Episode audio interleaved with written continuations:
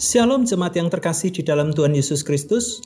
Penuntun saat teduh Sinode Gereja Kristen Jakarta hari ini, Senin 24 April 2023. Persembahan yang berkenan, Nas terambil dari Roma pasal 12 ayat yang kedua.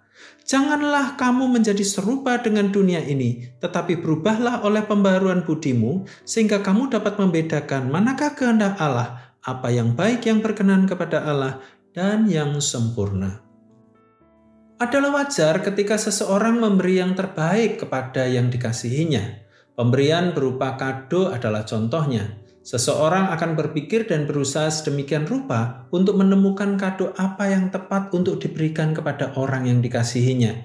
Harapannya bahwa kekasihnya itu akan merasa senang.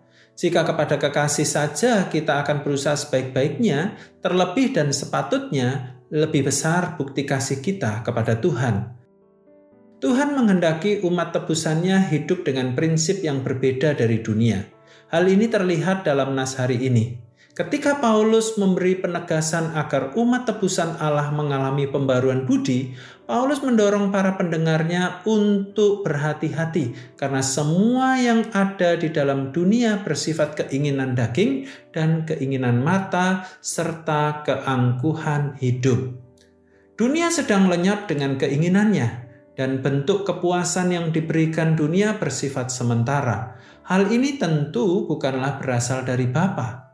1 Yohanes pasal 2 ayat 16 sampai 17. Memang secara jasmaniah kita masih menjadi bagian dari dunia. Namun peran kita sebagai umat tebusan Allah harus dinyatakan Paulus menegaskan pembaruan budi yang dimaksud adalah bukan hanya sekedar tahu akan sesuatu, namun secara terus-menerus rela memberi diri untuk mengetahui apa yang menjadi kehendak Allah.